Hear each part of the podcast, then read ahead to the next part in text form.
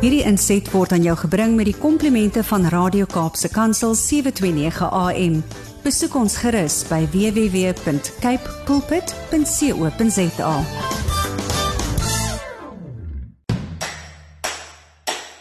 En so breek die eerste Saterdag van die jaar 2023 aan. Ek sê vir jou baie hartlik welkom en 'n goeie môre. Ek is Willem van Jaarsveld. Ek is jou gasheer tussen 7 en 8 elke Saterdagoggend op die senders van Radio Kaapse Kansel wat uitsaai op 729 AM en 729 MW asook wêreldwyd op die internet.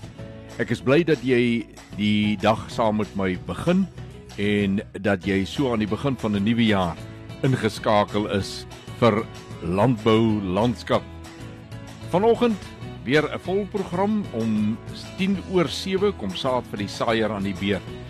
Ons skrifgedeelte vir môre is 2 Korintiërs 5 vers 17 met die tema alles het nuut geword. Dis mos daarom immers ook 'n nuwe jaar.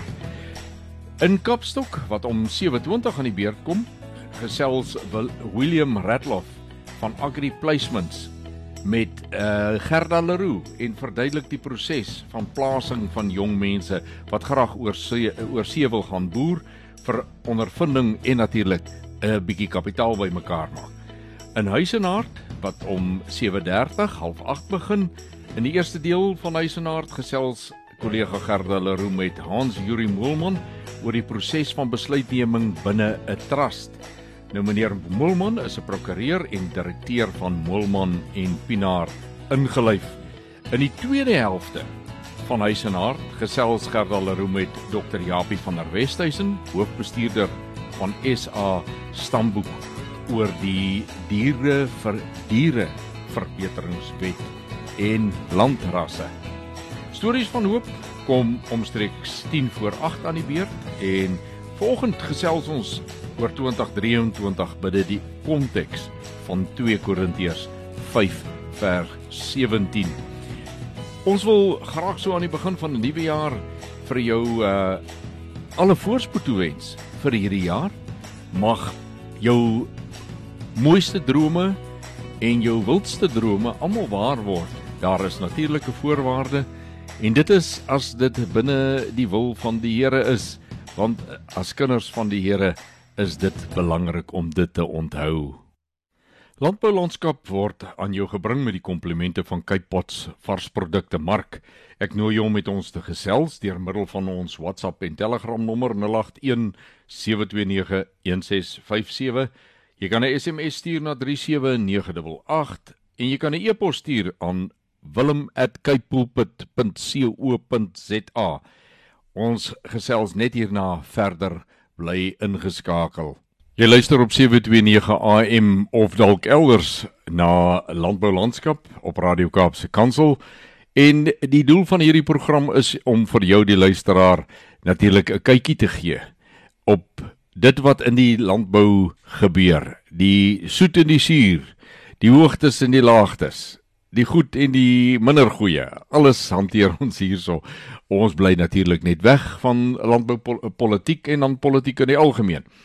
Maar dis lekker om met jou oor landbou te gesels. Dis die steenkool in my enginekamer en ek is baie bly dat jy my gas is, saam met my kan deel in hierdie verkenningstog. Ons gaan net hierna by saad vir die saaier uitkom en vanoggend lees ons 2 Korintiërs 5 vers 17, 'n baie bekende uh, skrifgedeelte, maar kom ons gee dit vanoggend so 'n bietjie 'n uh, ander hoek waaruit ons dit benader. Dit het tyd geword vir saad vir die saaier en ons tema vanoggend alles het nuut geword. Die skrifgedeelte 2 Korintiërs 5 vers 17 staan daar: Daarom as iemand in Christus is, is hy 'n nuwe skepsel. Die ou dinge het verbygegaan. Kyk, dit het alles nuut geword. Hierdie skrif wys op die mens wat 'n verandering ondergaan, die oomblik wat hy in Christus is. Wanneer jy Christus in jou lewe aanneem en jou lewe verander ten goeie, weg van waar jy was, weg van die kwade en jy kry nuwe nuwe nuwe nuwe perspektief. Maar net so is dit wanneer jy deur Christus verander is. Verander nie net jou spraak en jou handel en jou wandel nie, maar ook die manier hoe jy kyk, die manier hoe jy ervaar. En so aan die begin van 'n nuwe jaar is dit belangrik om te sê daar's 'n jaar agter my, hy het verbygegaan. Hier lê 'n nuwe jaar voor my. Die dinge van die ou jaar wat ek baie keer gestruikel het deur verkeerd te kyk, verkeerd te persepsies verkeerd om te hê, uh dinge verkeerd te beoordeel en dan daarop te reageer op 'n mens manier. Ek gaan dit hierdie jaar anders doen.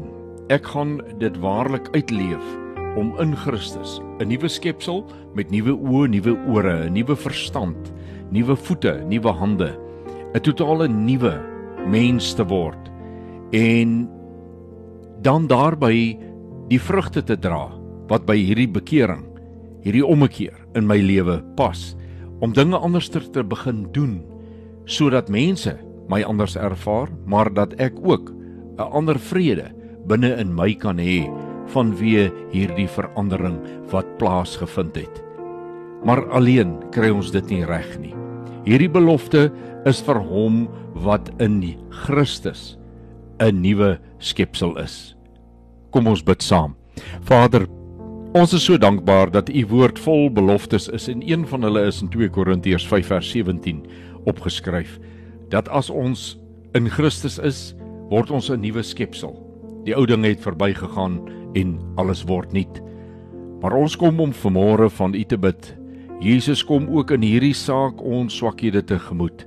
Want Here, U weet, in ons eie krag het ons al baie probeer om te verbeter, maar dis nie net deur U toe te laat om deur ons te leef wat ons dit kan regkry. Ons kom vanmôre voor U en ons bied onsself aan en ons sê asseblief kom leef in en deur ons en laat U in en deur ons handel en wandel verheerlik word.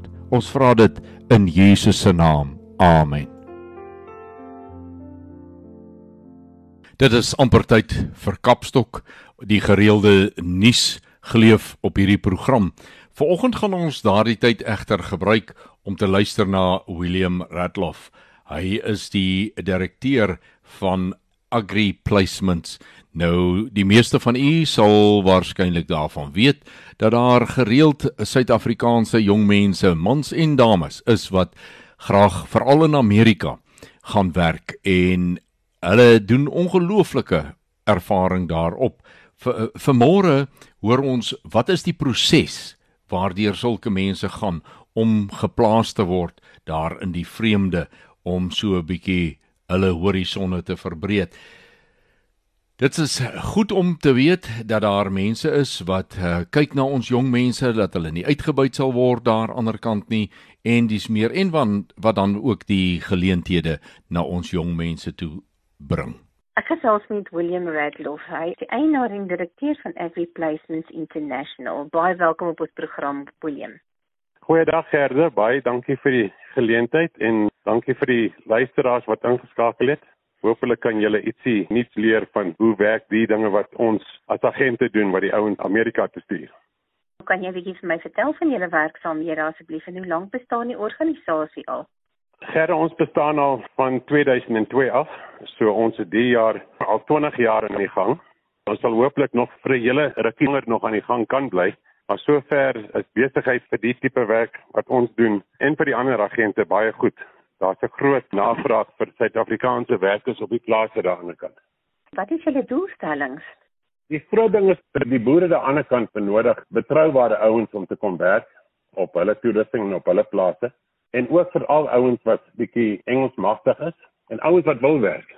Hulle het nie 'n werkloosheidsprobleem nie. So daar is tekort aan werkers wat op die plase daar wil gaan werk. So dis waar ons inkom. En dit is ook vir ons 'n baie goeie geleentheid om mense te kan help in Suid-Afrika wat werkloos is of sukkel om ordentlike werk te kry. Hier is 'n ideale geleentheid vir baie ouens om oor te gaan en om baie plase te gaan werk.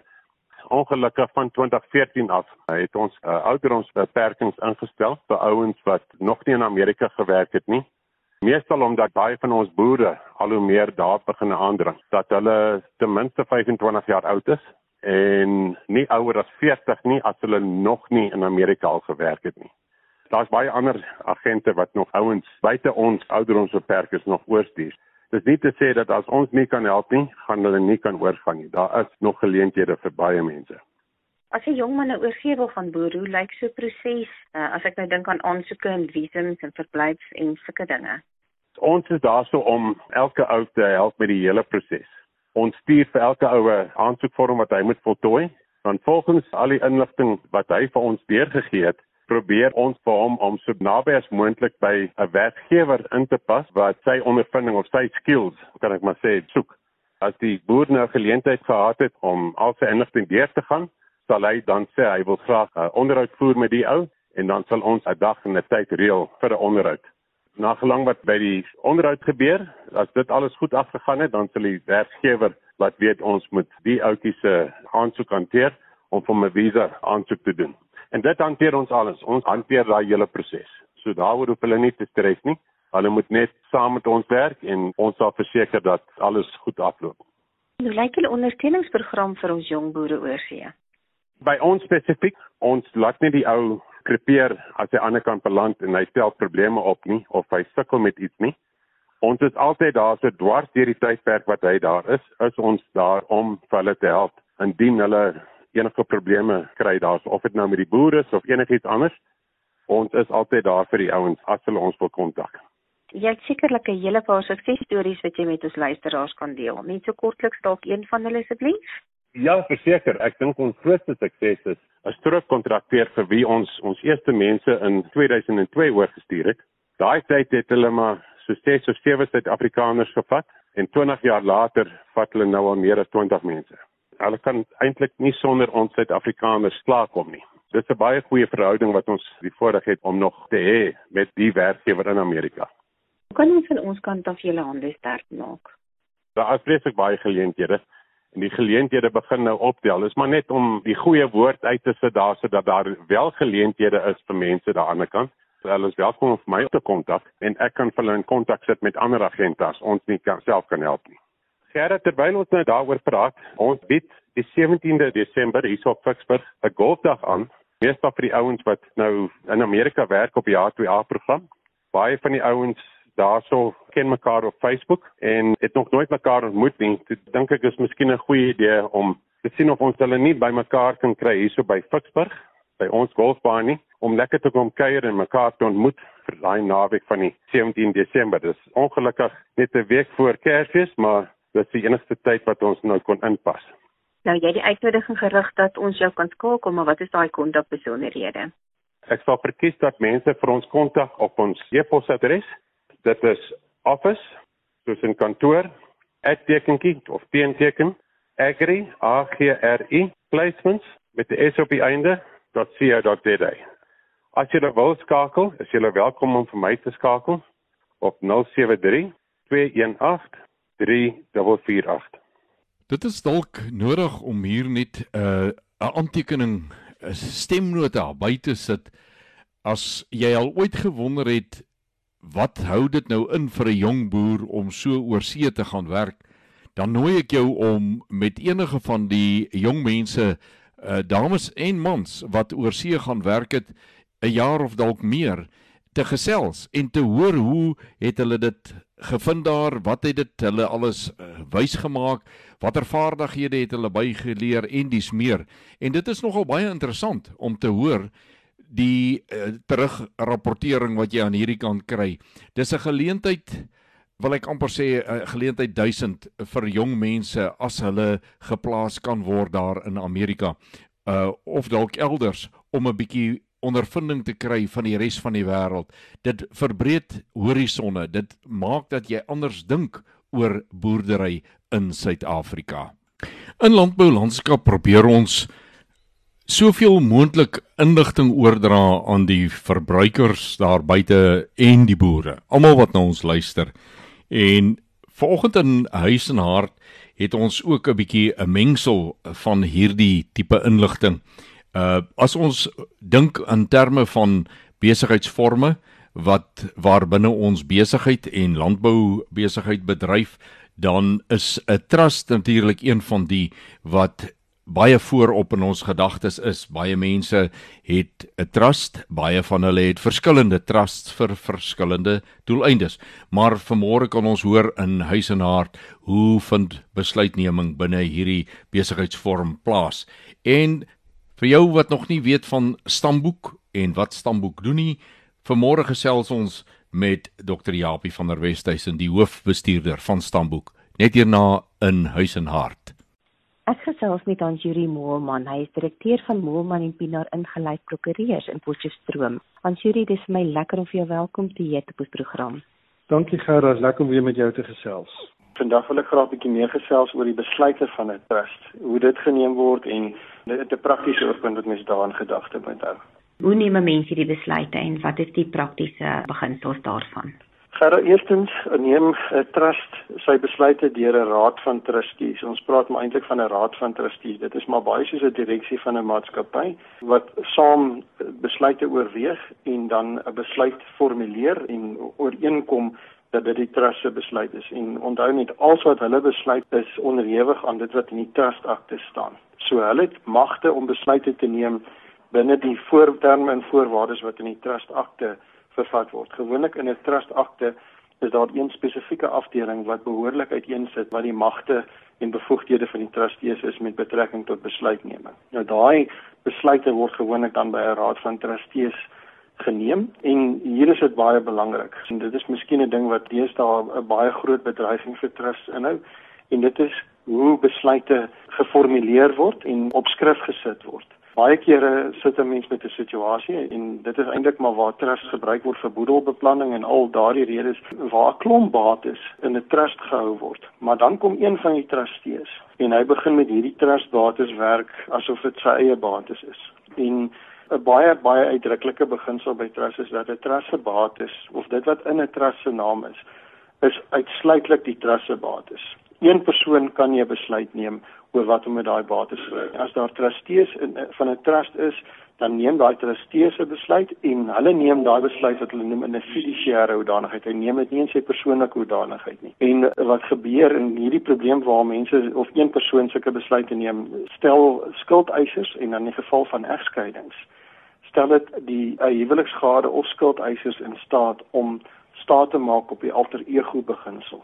Nou alter ego beginsel is 'n saak wat in ons reg ingebring is wat spesifiek daaroor handel om hierdie situasie waar trust gebruik word om bates te beskerm, om iemand vas te vat wanneer hy daai bates eintlik maar net die trust as 'n rookskerm gebruik as ek dit so prakties kan stel om daai bates te verdoesel. En dan kom die hof in die geval van waar byvoorbeeld iemand sou skei en die ander huweliksgade wat nie deel is van die trust nie, sou aanspraak maak op bates of onderhoud dan kom hulle en hulle vra vir die hof om daai trust as 'n alter ego van die persoon wat al hierdie besluite geneem het te laat verklaar. En dan as die hof daai bevel maak, dan word al daai bates wat in die naam van die trust is, word deel van hierdie persoon se boedel geag.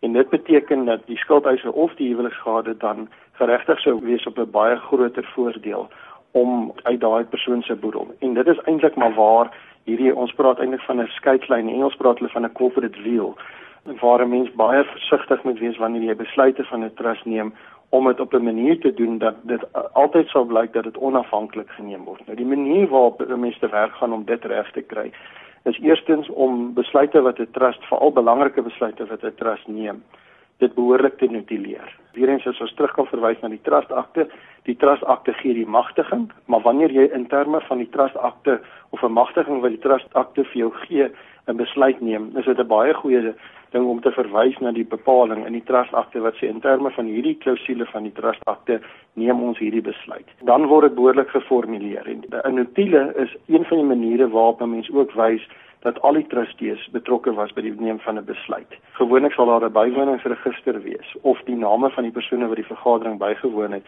sal in die notule vervat word om aan te toon dat dit nie een persoon se besluit is wat sommer net met die trust geha bates gehandel het asof dit sy of haar eie is nie. En dan die ander manier waarop 'n mens ook 'n mate van onafhanklikheid kan aantoon is wanneer 'n mens ook gebruik maak van onafhanklike persone om as trustees op te tree. Dit kan 'n prokureur wees, dit kan 'n ouditeur wees. Gewoonlik is dit iemand wat 'n mens baie vertroue in het. Maar as daardie persoon deel vorm van die besluitnemingsliggaam van 'n trust, dan het hy 'n bepaalde invloed op die besluitneming en dan word dit gesien as een van die wyse waarop daar onafhanklik van een van die interessees en hulle persoonlike hoedanigheid besluite geneem word en dit beskerm 'n mens teen die inwerkingstelling van hierdie alter ego beginsel. Moet almal teenwoordig wees by so 'n vergadering? Wat gebeur as een van die trustees nie daar kan wees vir daardie vergadering nie? Hoe raak hy deel van hierdie vergadering? Verder daar is nie behalwe dit in die trust akte staan, is daar nie normaalweg formaliteitsvereistes met betrekking tot 'n trust gang van 'n raad van trustees nie. Dit kan by wyse van 'n telefoonkonferensie plaasvind. Mens kan ook wat 'n mens noem 'n resolusie opstel wat maar basies 'n besluit formuleer en dit aanstuur vir al die trustees om dit te teken. Dit sal net so goed soos 'n besluit wees. Die kort en lank is net daarvan dit is op skrif gestel en dat die besluit wat geneem is kan mens duidelik uitmaak. Dit is nie die hele situasie wat 'n mens wil vermy as 'n mens later in 'n op 'n punt kom om te sien maar skielik is hier 'n plaas verkoop. En dan vra mense vir maar maar waar is daar die besluit geneem? Of van die ander trustees is ongelukkig en sê maar wie het die besluit geneem om die plaas te verkoop? En die beste manier om jouself daarteen te beskerm is bloot eenvoudig of jy het sy van die wyse van 'n notule, 'n gewone vergaderingsnotule om te sê op hierdie dag is 'n vergadering van die Raad van Trustees gehou en die plek waar dit gehou is en die persone wat teenwoordig is se name en dan die besluite wat geneem is. Die ander alternatief sou wees om bloot eenvoudig 'n geskrewe resolusie op te stel en daai resolusie te laat onderteken deur al die partye as hulle daarmee gemaklik is. Die kort en lank is nie die, die besluit is geformuleer, so op skrif gestel en daar's bewyse dat al die trustees ingestem het. Party trustaktes maak voorsiening dat 'n besluit onderhewig is dat 'n bepaalde trustee deel is van die meerderheidsbesluit. Dit werk ook soos demokrasie in 'n trust. As dit moet oorgaan tot stemming, dan uit die aard van die saak is daar gewoonlik 'n meerderheidsbesluit of daar is 'n spesifieke bepaling in die trust waar daar uiteengesit word of gespesifiseer word dat 'n besluit slegs 'n geldige besluit sou wees indien een persoon deel is van daai besluit of deel is van die meerderheid van daai besluit. Nou dit is sekere mate kom dit neer op 'n tipe van 'n veto reg, maar uit die afsake sake sal 'n mens na elke trust akte moet gaan kyk oor hoe dit werk. As die besluite geneem word, wie teenwoordig moet wees en hoe 'n meerderheid moet bereik word om 'n bepaalde besluit te neem. Vir verdere navrae, waar kan jy gekontak word? Gerda, ons firma Moelman en Pinaar ingelyf is 0182978799, dis ons landlyn en dan per e-pos hy@mlaw.co.za. Ek gesels met Dr. Japie van der Westhuys en hy is die algemene bestuurder by SA Stamboek. Dr. Japie, dis altyd lekker om met jou te gesels. Hartlike welkom. Dankie Gerda, groot voorreg. Ons het lanklaas gepraat, maar ek sien uit na ons gesprek vandag. Dokter Japie, ek wil met jou praat oor die wetgewing rondom geregistreerde diere. Wat sê ISA stamboek daarvan? Ja, Gerda, stamboek is wat ons noem 'n registrerende owerheid volgens die diereverbeteringswet, want dis die wet wat bepaal, jy weet, hoe moet diere aangeteken word en geregistreer word in Suid-Afrika. Nou die wet is al ag in die laat 80er jare geskryf en net na 94 is hy gepromulgeer. So dis die wet waaronder ons moet opereer as ons diere registreer in Suid-Afrika. En dan sal natuurlik tyd van tyd tot tyd is daar regulasies wat jy weet uitgevaardig word of uitgereik word onder die wet. Nou net in 'n neutedop vir 'n dier om 'n geregistreerde dier te wees is daar nou 'n paar vereistes. Die een is die dier moet aangeteken word by 'n registreerende owerheid. Nou Stamboek is 'n voorbeeld van 'n registreerende owerheid. Die teeler of die eienaar van die dier moet 'n lid wees by sy of haar teelersgenootskap. Met ander woorde, jy kan nie net sommer maak nou nie saak watter ras is nie, was registreer as jy nie 'n lid is by jou teelersgenootskap nie. As dan natuurlik 'n teelersgenootskap bestaan en vir die meeste rasse bestaan dit. En dan die wet sê ook jy moet 'n voorvoegsel hê. Met ander woorde jy het 'n voorvoegsel wat, wat jy as 'n teeler dan moet kry en dit word deur die staat uitgereik deur die Strategie vir Diereverbetering en en hulle hulle die LNR getaak om dit namens hulle te doen. En daai voorvoegsel is uniek vir jou net jy mag hom gebruik. Niemand anders in die land mag hom gebruik nie.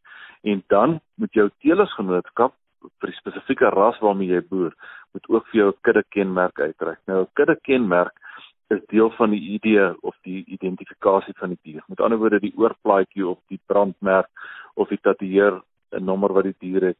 Dit begin by jou kudde kenmerk en dan gewoonlik die jaar en die hoeveelste dier in daai jaar wat gebore is. So dit is deel van die identifikasie van die dier. So dat as jy 'n dier ergens kry en kom ons sê nou maar die teeler se kuddekenmerk is ABCD, dan weet jy dis daai teeler se dier wat hy geteel het. Uiteraard kan hy mos nou later verkoop het aan iemand anders ook, maar jy weet ten minste wie se teeler. So dis 'n vereiste wat daar is in die wet en dis nou nie stamboek wat dit sê nie, dis wat die wet sê van die land. En wat baie belangrik is en weer eens is wat in die wet staan. Daar staan baie duidelik dat jy kan nie 'n dier kom ons vat die voorbeeld van 'n boerbok of 'n Angus of 'n Bonsmara of 'n Damara skaap.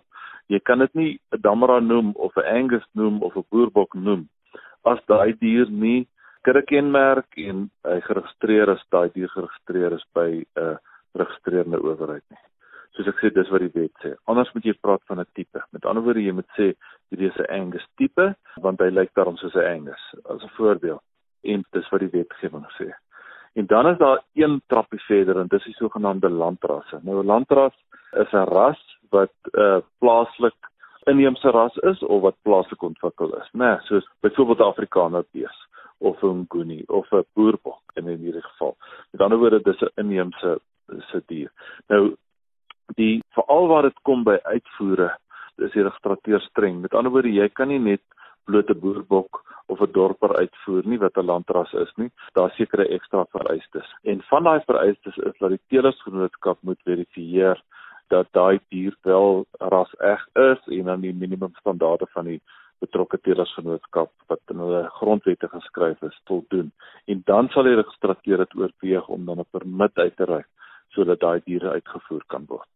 As jy met 'n rasboer wat nie 'n landras is nie, dan kan jy wel diere uitvoer of semen uitvoer sonder om daai ekstra goedkeuring by die registrateur te kry.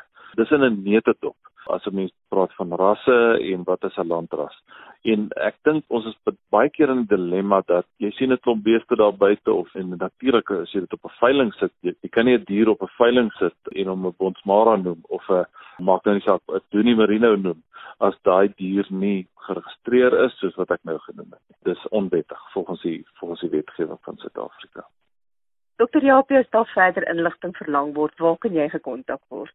Een van die plekke is op Stamboek se webwerf, eh, stadboek.co.za of e-pos aan my, japie@stadboek.co.za of jy kan op die webwerf sal ons telefoonnommer wees of enige iemand is ook welkom om my op my selfoon te bel by 082 331 0923. Gustaf Meyer vra my gister as ek nou een wens kon gehad het vir landbou, wat sou ek wens? Ek sê vir hom, ek sou wens dat ons 'n instelling kon gehad het soos wat Landbank van ouds was of die ou landboukredietraad wat wat finansiering meer toeganklik weer maak. Dis dis die enkele ding wat jou kleiner en jou medium boere die ergste wurg is toegang tot tot finansiering. Nou wat wat hier by ons gebeur het met Landbank is dat die die die bank was verantwoordelik vir ongeveer 34% van alle lenings in landbou. Nie nie noodwendig direk nie, hy het sy direkte kliënte ook gehad. Maar dan het hy nou hierdie aanleners gehad, die koöperasies. So Afgri was sy grootste aanlener. Ehm um, hy het by die landbank geld gekry en dan leen hy dit aan die boere. Maar toe hierdie landboumaatskappye begin noteer op die op die effektebeurs. Onthou die effektebeurs se reëls is verskriklik streng en onbuigbaar. Nou moet daar elke 3 maande verslae ingedien word oor jou skuld en jou jou bates en dies meer. Nou lyk dit baie sleg vir 'n genoteerde maatskappy om so 'n groot lening van 'n ander bank te hê en dan ho hoë risiko debiteer. Toe besluit hierdie maatskappye almal so tussen 2008 en 2011 min of meer dat hulle tree uit hierdie lyn uit met Landbank. Hulle hulle fasiliteer nou net die lening. Hulle leen nie by Landbank en leen dit aan die boere aan nie. Hulle kry net die Landbank en die boer bymekaar. Hulle ontvang nog steeds die geld van Landbank want daai geld koop in elk geval by hulle die kunsmis, die saad, die diesel en dies meer. Maar hulle hulle wys nou nie meer hierdie lening op hulle boeke nie, nê. Nee. En Landbank begin toe te dink, maar hierdie ouens dra eintlik nou geen risiko nie en hulle maak al die wins. Miskien moet ons daai daai boek weer terugvat. En hulle het dit nie gesê nie. Dit was 'n groot verrassing. Dit het meerendeels gebeur in die tweede helfte van van 20 ehm um, van 2020.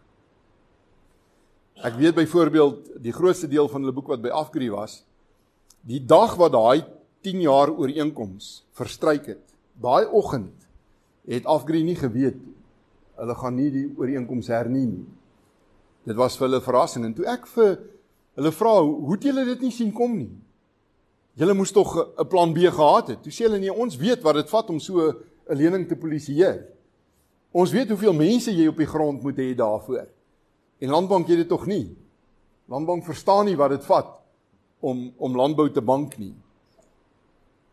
Want dames en here, net soos wat 'n landbou skrywer, 'n landboujoernalis, is nie net 'n joernalis wat nou op die landboubiet is nie.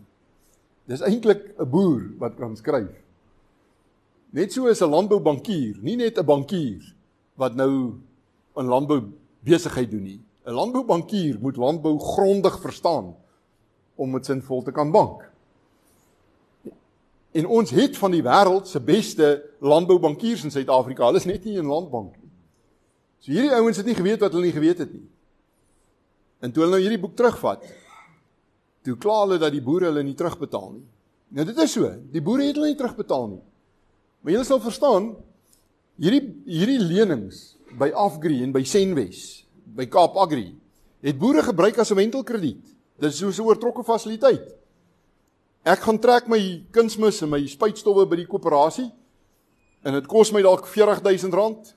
In 2 maande later kry ek my litchi oes in en ek gaan betaal weer R80000 daarin en nou het ek nou weer, weer spasie om verder my insette te gaan trek daar. So toe Landbank hierdie lenings oorneem, toe hanteer hulle dit nie verder as wentelkrediet nie. Hulle sê dis 'n produksielening. Alles moet op die 29ste September terugbetaal wees. Nou weet 'n boer nie as ek nou my oesgeld inkry en ek gaan betaal my skuld by Landbank of ek weer 'n lening gaan kry nie. In elk geval vat dit op gemiddeld 7 maande om weer 'n goedkeuring te kry by hulle. So dis selfmoord om jou skuld te gaan betaal. Jy het nie verder geld om mee te boer nie.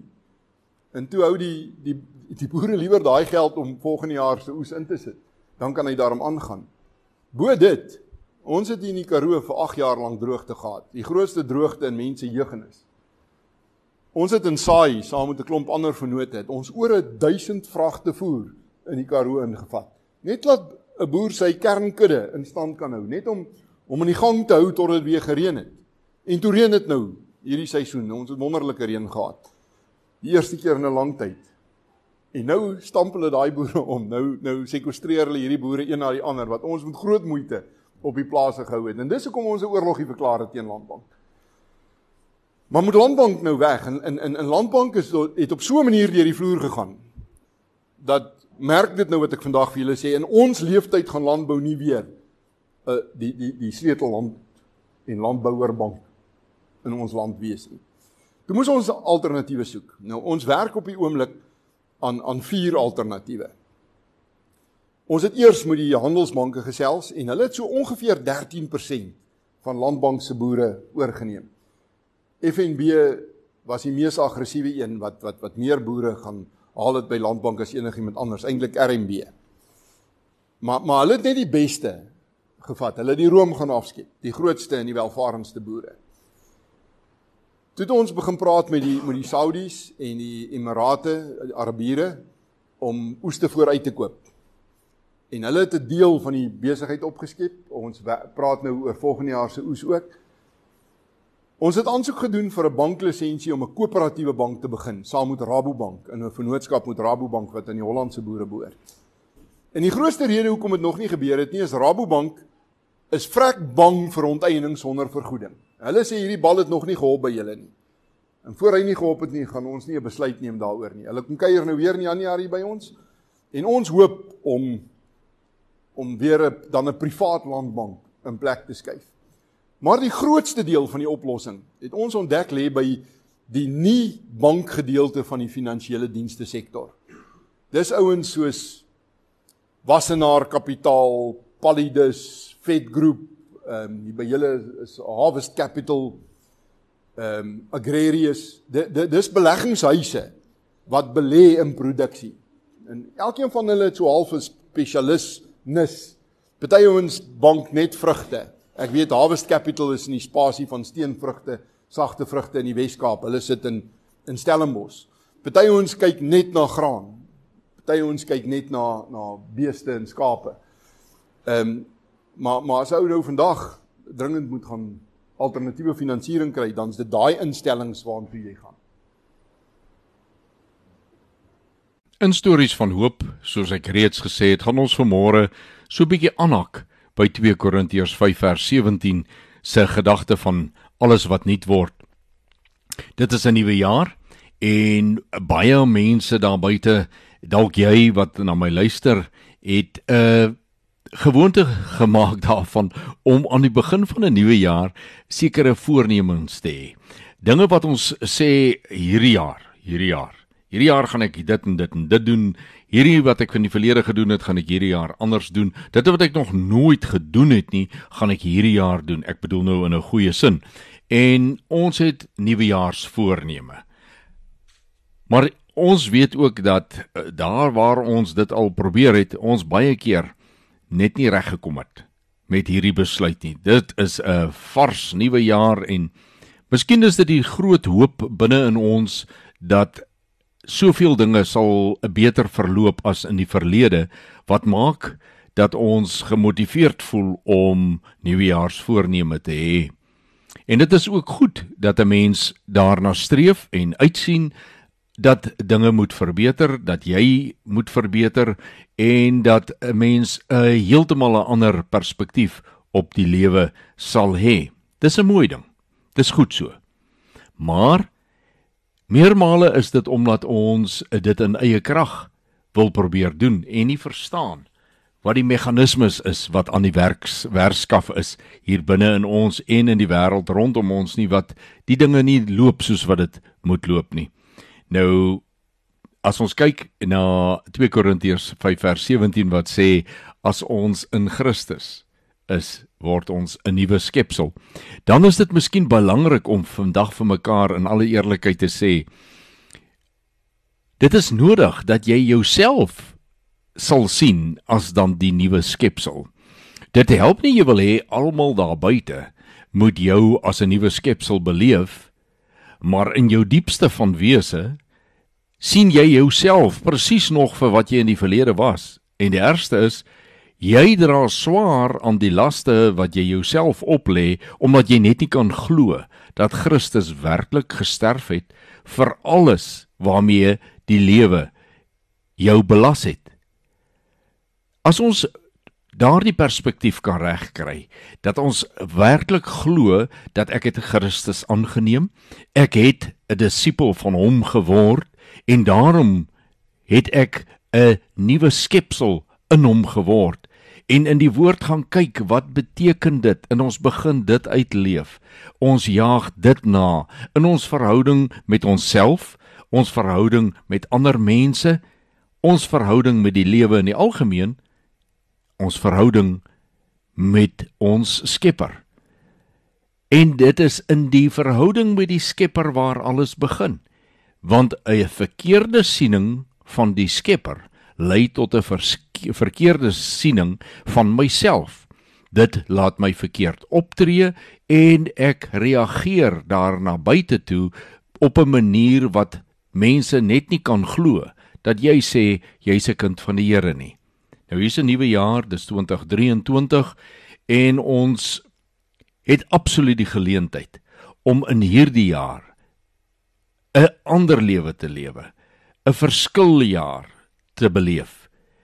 Maar die ander mooi uitdrukking wat ek al gehoor het is: "Wees jy die verandering, die verbetering wat jy graag daar in die wêreld sou wou sien?" En baie dae is dit 'n baie moeilike ding. Dis mos baie makliker om te staan en te wys op daai ene behoort 'n bietjie meer sis en daai ene bietjie meer so en dit en dat moet eintlik eers verander voordat ek sal kan wees wat ek graag wil wees. Die groot uitdaging is om aan jouself te werk, daar waar jy die meeste invloed het by jouself. Werk daaraan word die verandering beleef die verandering wat jy graag elders sou wou sien en kyk of jou klein bietjie bydra deur jouself te verander nie 'n enorme uitkring effek daar buite het en ander sal aanspoor om ook te verander. En skielik verander die wêreld, jou leefwêreld, jou vriendekring, die gemeenskap waarin jy is ensovoorts. Ek wil jou vandag bemoedig so aan die begin van 2023.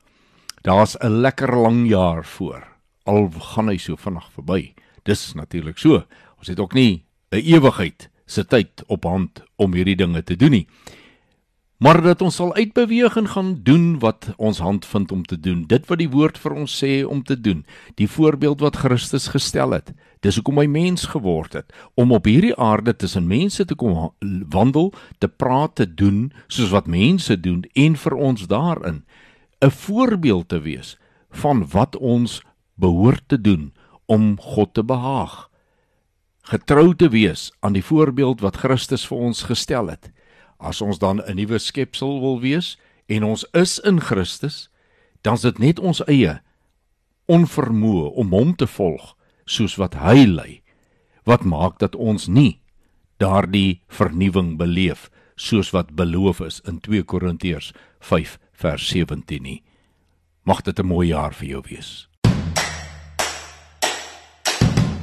En daar ondervind ons dit so aan die begin van 2023 dat 'n uur nog net so vinnig verbygaan as in 2022. Ons het aan die einde gekom van die eerste landbou landskap aflewering van 2023. Ek sê vir jou baie dankie dat jy my gas vandag was. Ons sê dankie aan Kypots varsprodukte mark wat dit moontlik gemaak het dat ons hierdie program op die lug kon gesit het. En onthou om met ons te gesels sommer maak dit 'n nuwe jaarsvoorneme. dat jy in hierdie jaar meer gereeld met landbou landskap sal kommunikeer. Ons sal dit so waardeer. Ek het reeds die nommers gegee aan die begin van die program en jy kan aan my eh, e-pos stuur ensovoorts. So doen dit gerus en vertel jou vriende en familie van hierdie program. As jy waarde daarin gevind het, dan nooi ek jou en almal wat jy ken om saam te kom luister. Volgende Saterdag dieselfde plek, dieselfde tyd. Skakel in, dan is ek weer hier. Tot ons dan weer saam kuier volgende Saterdag, net na 7. Groet ek Willem van Jaarsveld en mag jy elke oomblik vandag en die res van hierdie jaar Vader se guns op jou lewenspad beleef. Wederom Hierdie inset was aan jou gebring met die komplimente van Radio Kaapse Kansel 729 AM. Besoek ons gerus by www.cape pulpit.co.za.